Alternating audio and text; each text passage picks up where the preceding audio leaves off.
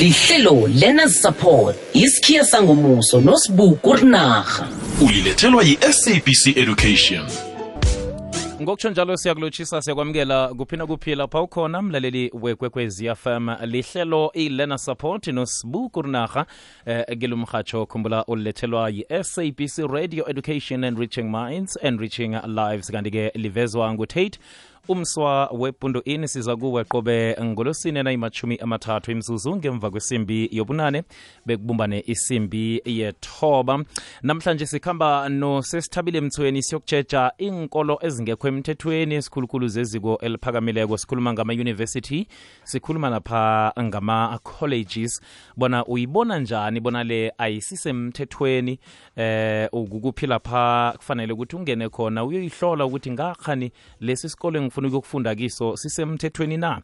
Eh kanti-ke ngaloko lokho-ke kuyenzeka-ke ukuthi kesinye isikhathi uthole ukuthi isikolo sitlolisiwe eh kodwana uthole kunemfundo ezikhona ngaphakathi apho eh ezingakatloliswa ukuthi ngokomthetho ukuthi kufanele zibe khona kileso isikolo leso. Ulapha usesithabile mthweni eh ukuthi asiphe umkhanyo. Siyayibona imikhangiso yenkolo eh uyithole iplagwe emapalini uyithole iplagwe esitolo esithileko eh enthuthini zomphakathi njalo njalo. Uthole kuplagiwe lapha ukuthi kunesikolo nasi awasona siyabhadeleka. Kanti-ke uthole ukuthi sichinga lapho-ke thina-ke siyozihlolisa ngonobangela ukuthi mhlawumnye sibona ingasuthi imali lapho eyisakubhadala ngconywana singazi nje ukuthi isikolo eso engakhani sisemthethweni namtshana njani nawo khona usesithabile emthweni eh, uzasiphendulela imibuzo yethu. Nawe siyakwamukela mlaleli wekwekwezi fm nayikhibe unombuzo ngesiqoca ngakho namhlanje ukuthi usithumele i-whatsapp voice note ku-079 413 2172 079 413 2172 sikhona lapha emtatweni ku-086 000 3278 sesithabile? Siyakwamukela siyakulotshisa emhatshweni ikwekwezi fm akwande. Ninjani sesithabile? Sivukile singabuza nina korinarha awa sivukile nokho. Eh niphethe akamnandi ulosine yawo sasiphethe kamnandi siyathokoza sesithabile besithokoza nesikhathi osiboleka sona eh busuku nje ukuthi sizokucocisana nawe sicoce lapha-ke nganasindaba iqakathekileko yenkolo ezingekho emthethweni. Siyathokoza. Thokoza mina ngithathe naleli thuba lokulotshisa bogabalaleli bekwekwezi f m. kwamambala kukhanya ba sesithabila sikhwele phezu kwayo sihlathulele mhlawumbe umlaleli ongazwisisiko ukuthi sinasikhuluma ngama-bogus colleges bogus institutions njalo njalo inkolo ezingekho emthethweni. Sikhuluma ngani kuhle kuhle? Nasikhuluma ngama-bogus institutions sikhuluma ngama eh institutions lawo angekho emthethweni angakatloliswa so eSouth Africa sinama university eh namkha ngikhe ngithi ke kunama post school education and training institutions ayi26 mm, mm. so la amanye la angasi angaphandle kwayo i26 le vane siwabize ngokuthi ke ma private higher education institutions Mm. Ngokomthetho ama private higher education institutions lana ke akateleleke ukuthi ke azitlolise ne Department of Higher Education and Training Mm. lapho ke kusho ukuthi ke ama private institutions lana ke aya registera lapho sikhuluma nge registration a registera ne Department of Higher Education and Training Mm. ngaphezulu kwalokho ke ama course la a- akhona ke kiwo ke ama private higher institution lawo ke kosele abe ne accreditation Mm. nasikhuluma nge accreditation sikhuluma ngokuthi ke eh i South African Qualifications Authority ngiyo ke ebanikeza i-accreditation accreditation leyo ikhambisana nokuthi ke eh isikolo leso sinikezwa imvumo yo- yokuthi ke bafundise i-course leyo begoduke lapho ke kusho ukuthi ke izinto eziningi ezifana nama eh ne- ne- nemakho namkha nabantu abazokufundisa ba bayahlolwa Mm. begoduke yonke into kwenziwa isiqiniseko sokuthi ke yonke into ijame kuhle iya ngendlela bese ke lapho ke bane sithi ke i-private higher institution leyo Eyi. ine accreditation begoduke enye nenye i-course inikezwa i-accreditation number Mm. yokuthi ke bangafundisa i-course leyo ke Mm. so nasikhuluma ngawo ke ama eh ama ama private higher institutions lana ke Eh. kusho ukuthi ke into eqhakathekileko abalaleli kosele bayicheke Mm. ukuthi i private institution leyo itlolisiwe lapho ke sikhuluma nge registration Mm. begodu ke ama course la e- e- ewafundisako anayo na i-accreditation begodi kokuqakatheke khulu-ke i-accreditation number. Ey, sesithabela sithi mhlawumnye ngifuna imfundo eh, ngenza imfundo zokuba eh, zobunjiniyere njalo njalo.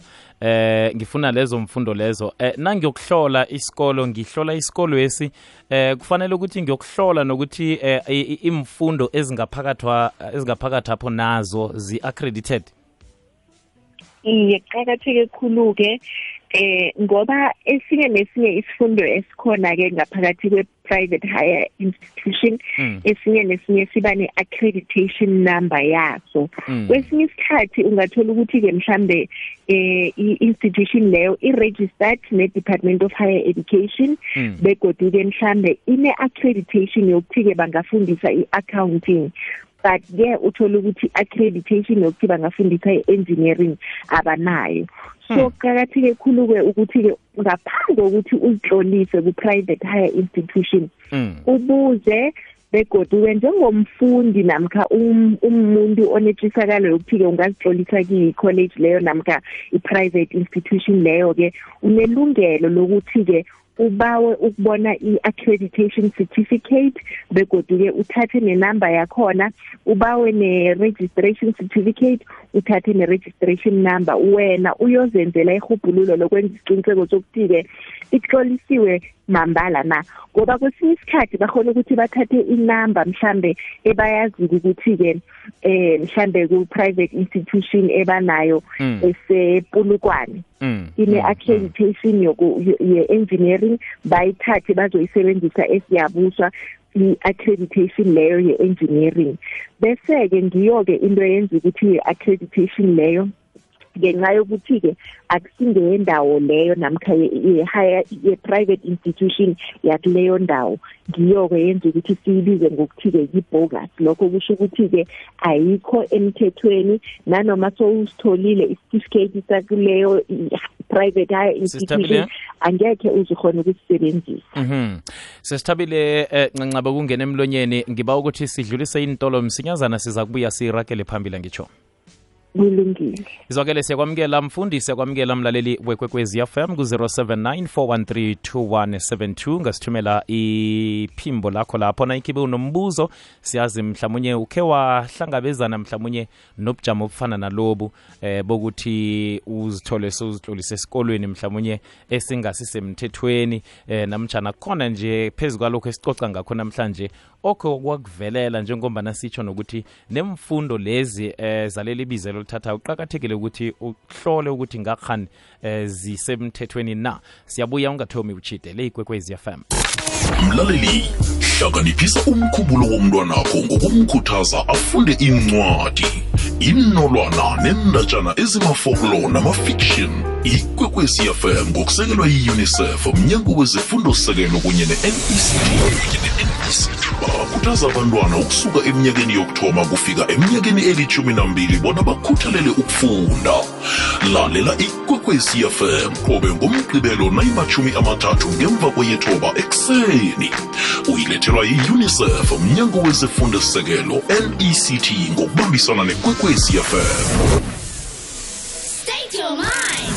mlaleli ikwekwezi fm yenza konke okusemandleni ukukwakha nesitshaba sonke ngokukulethela amahlelo afundisako. Konke lokhu kungaba bulula ngombono nomfakela ovela kuwe ukuthi ikwekwezi fm ingakusebenzela njani ngcono njengomlaleli wayo. Sitholela ngeposomoya ethi info at ikwekwecfm co za namkha enkundleni zethu zokuthintana zomrhatsho ikwekwecfm kukhanya ba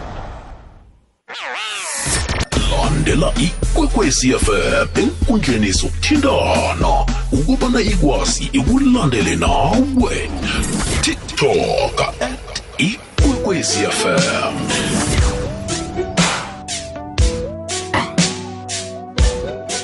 ibalichumi nakhomba kwemzuzu ngaphambi kwesimbi yethoba 17 to 9 le ikwekwezi fm kukhanya bhala ihlelo lena support nosibu kurinarha sikhamba nawe mlaleli ku-079 4132172 ngasithumela lapha iwhatsapp voice note. Benomfakela nomfakela ehlelweni lethu lanamhlanje ngaloko lokho sikhona emoyeni 086 000 3278 086 3278 sikhamba la nosesithabile mthweni sicocisana ngenkolo zamaziko aphakamileko eh, ezingasisemthethweni eh, uzithole umfundiso obuzitlolisa esikolweni esingasisemthethweni-ke ufunde ufunde ufunde uthi na uceda bathi hayi isitifiketi sakho eso awa. Eh abasibdisi siyasola. Ufunde phi? Ubuzo ukuthi ufunde phi? Njalo njalo. Uthola ukuthi into zakho azisakhambi-ke ngendlela yakhona. Sesithabile siyathokoza ukuthi usibambele. Kulungile sichaphaphi-ke sesithabile. Kubangelwa yini ukuthi sizithole sibongazimbi eh sibabantu sesizitlolisa enkolweni ezifana nalezi? Eh ikinga ekulu abantu ezani bahlangabezane nayo ukuthi-ke abafaki imbawo zokufunda kuma eh institutions la engithi mina-ke la eSouth Africa i-26 kuma-university hey. begodu-ke ama-universities of technology esinawo wona-ke i-6 siphinde ngaphezu kwalokho sibe nama-tvet college hey. so iki- ikinga ebakhona-ke ukuthi-ke abantu abafaki imbawo kusesenesikhathi qobe nyaka kuba nam- ne- nam- namalanga lapho-ke kuvulwa khona imbawo i- ama-institutions la athoma khona ukuthatha ama-applications Mm. begodwa-ke ngaphezu kwalokho eh kwezinye kwamanye ama-university kunama-faculty so esikhathini esiningi abo-faculty of health um ne-faculty of veterinary sciences esikhathini esiningi ngibo bokuthoma bokukhipha imbawo zabo sokuthi-ke abafundi bangafaka imbawo zokuyixolisela ukufunda ku- Hmm. kuma-university lawo so ngenxa yokuthi-ke sibabantu sithanda ukudosa inyawo silinde ama-last minute silinde mhlana sesithola ama-results a- a- asinikeza isiqiniseko sokuthi mambala siphasile mambala siyakho- siya- siyaqualify ukuthi singazihlolisela ema-university namkha kuma-universities of technology. Ngiyo-ke into ebayinkinga. Bese sithi nasiceda ukuthola ama-results wethu aka-grade 12 siwabona ukuthi mahle. Abafundi baphase kuhle kuhle khulu-ke bese abazali-ke nabo babona ukuthi abenze isiqiniseko sokuthi umfundi lo ayozihlolisa nanoma kukuphi ukuze angahlali ekhaya amoshe unyaka. Eh ngokuhlala ekhaya. So nakanjani ke bayafosta ukuthi ke umfundi namkha abazali bayafosta bayafosta ukuthi abantwana babo mabayokuhloliswa nanoma kukuphi? So uthole ngaleyo ndlela ke umfundi sekazihlolise ku-bogus institution. Hmm. 0794132172 ngasithumela i-whatsapp voice note sikhona emoyeni ku-086 0003278 086 sesithabile eh singenaphi ke um kukuphi lapha kufanele sichinge khona ukuyoqinisekisa eh, ukuthi isikolo mbala sisemthethweni mhlawumnye website ethileko esetshenziswako ukuthi singenelele abantu bakhona ukuthi balithole kuhle leli lwazi ukuthi nangisuka la njengombana ngiyozihlolisa kufanele ngiye la nala ngombana nasi isikolo sengisitholile right indawo yokuthoma-ke lapho abalaleli kosele bathome ngoku- ngoku-check-a khona eh i-website ye-department of higher education and training Mhm. eh yona ke banga bangangena kiyo ngokutloli ngokutlola u-www dhet.gov.za Mhm. sibuyelele bese ke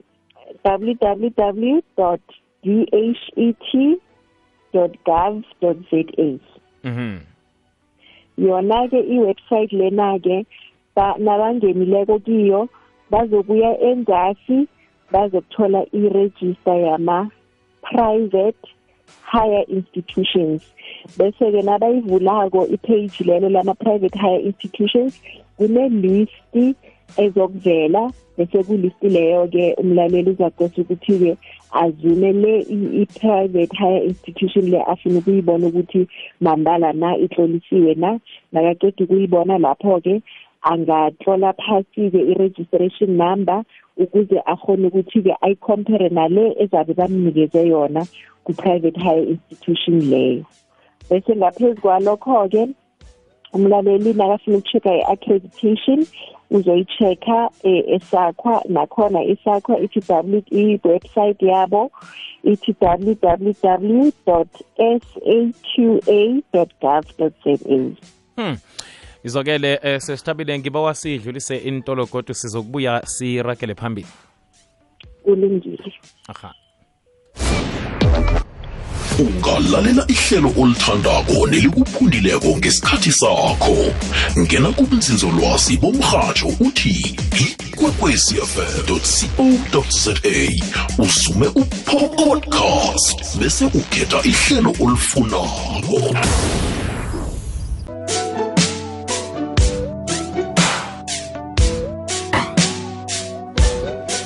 Sirakela phambili mlaleli wekwekwezi fm lihlelo i-learner support olethelwa i-sabc radio education enriching minds enriching lives.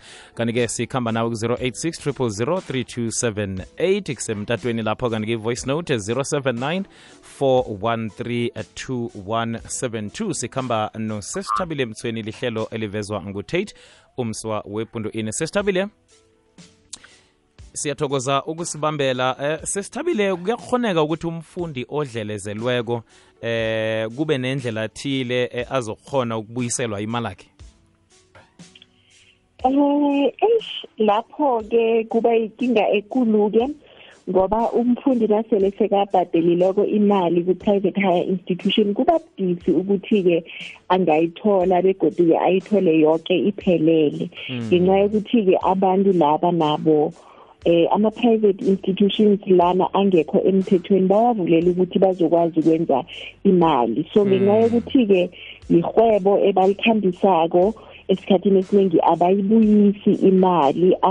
Abafundi kwesinye isikhathi vane babavulela ama-case babase um kwamanye amahlelo azokubasiza ukuthi-ke bathole imali zabo but-ke esikhathini esiningi abayitholi imali le esele bayibhadalileko. Ngikho-ke thina siyelelisa bonke abalaleli ukuthi ngaphambi kokuthi bazitlolise ngaphambi kokuthi bakhiphe imali abenze isiqiniseko sokuthi-ke i-private institution leyo i-registered begodi i-accredited ngaphambi kokuthi bakhipha imali. Ngoba imali yakho nasele uyikhiphileko ukuthi ibuye kuwe kuba budisi khulu. Hmm. kuba budisi imali yakho nasele uyikhiphileko ukuthi ibuye ngakuwe. Iye. Hmm. izokele sesithabile sithathe umlaleli ikwekwezi. Ikwekwezi lotsha. Hmm. Sirakela phambili sikhamba nawe mlaleli wekwekwezi fm ku-079 413 2172 sikhona lapha kuwhatsapp ku-079 4132172 sisithabile uthanda ukuthi mhlawumunye ungathini kubafundi nje ukubayelelisa eh, ngokunabileko mhlawumunye ukuthi eh, bawacheje lamakholeji la ngoba vele eh, ungafunda urage uthola ukuthi ikusasa lakho ngapha uyasalela nokusalela eh, ngombana kuyokufanele uthome phasi uyokufuna eh, isikolo esisemthethweni ibe iminyaka seyikhambile Eh umlaleli ngingamyelelisa ukuthi-ke ngaphambi kokuthi azitlolise akacheke i-accreditation acheke i-registration. Ngaphezu kwalokho akacheke indawo lapho i-private institution leyo ikhona. Nangabe isendaweni engathi-ke ayithembakali kuhle eh lapho-ke sikhuluma ngama-building akhona lana emadorobheni amakhulu eh enza isiqiniseko sokuthi-ke indawo leyo lapho i-institution leyo ikhona ngeyabo mambala kungabi ukuthi-ke irentiwe. Ngoba akunasikolo esingakuhamba siyokurenta indawo. Esikhathini esiningi inkolo ziyayithenga indawo ngenxa yokuthi-ke zinehlelo lokuthi zizo- zizo- zi- zizokuba khona kuleyo ndawo for isikhathi eside. So akusisemadorobheni kwaphela lapho ngingabayelelisana khona ngoba emalangeni lana bayakuhamba-ke baya nemakhaya baya nemalokishini baya khona bayokurenta indawo zokuthi bazenze bangathi-ke ma-private eh, institution kani-ke inkolo ezingekho emthethweni. So into ekulukhulu-ke lapho-ke kosele abafundi bayiqale ukuthi-ke nama-course ebawa-ofarako lawo-ke. Nabathi mhlambe-ke eh ba-ofera i-course yokufundisa ukupheka isikole leso kosele sibe nekhishi number one into eqakathekileyo kosele sibe nama-facilities sibe nama-resources. So izinto lezo nazingekho kuyakutshela lokho already ukuthi-ke isikole lesi asikho emthethweni. So ngizo izinto engakhe ngiyelelisa abalaleli ukuthi-ke abazitshejisise ngaphambi kokuthi bazixolise kuma-private institutions. Kwamambala sesithabele sele vele sesiyoyivala eh ngalesi sikhathi singabuyelela mhlawumnye lapha bangena khona abafundi ukuyoqinisekisa ukuthi mbala isikolo sisemthethweni ngalokho lokho sibawa eh, imininingwana yakho ukuthi ngokunabileko mhlawumnye singakuthola kuphi Okay, so abafundi bangangena ku-website ye-Department of Higher Education and Training nabafuna ukuchecka i-registration yama-private higher institutions. Eh, i-website ye-Department of Higher Education and Training ithi www.det.gov.za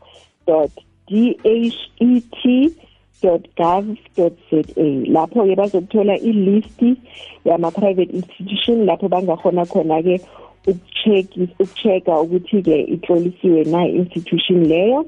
Bese-ke ku eh, South African Qualifications Authority bazokhona ukuchecka i-accreditation yama-courses lawo akhona ku- ku-private institution leyo-ke. Bese-ke khona-ke bangangena ku-www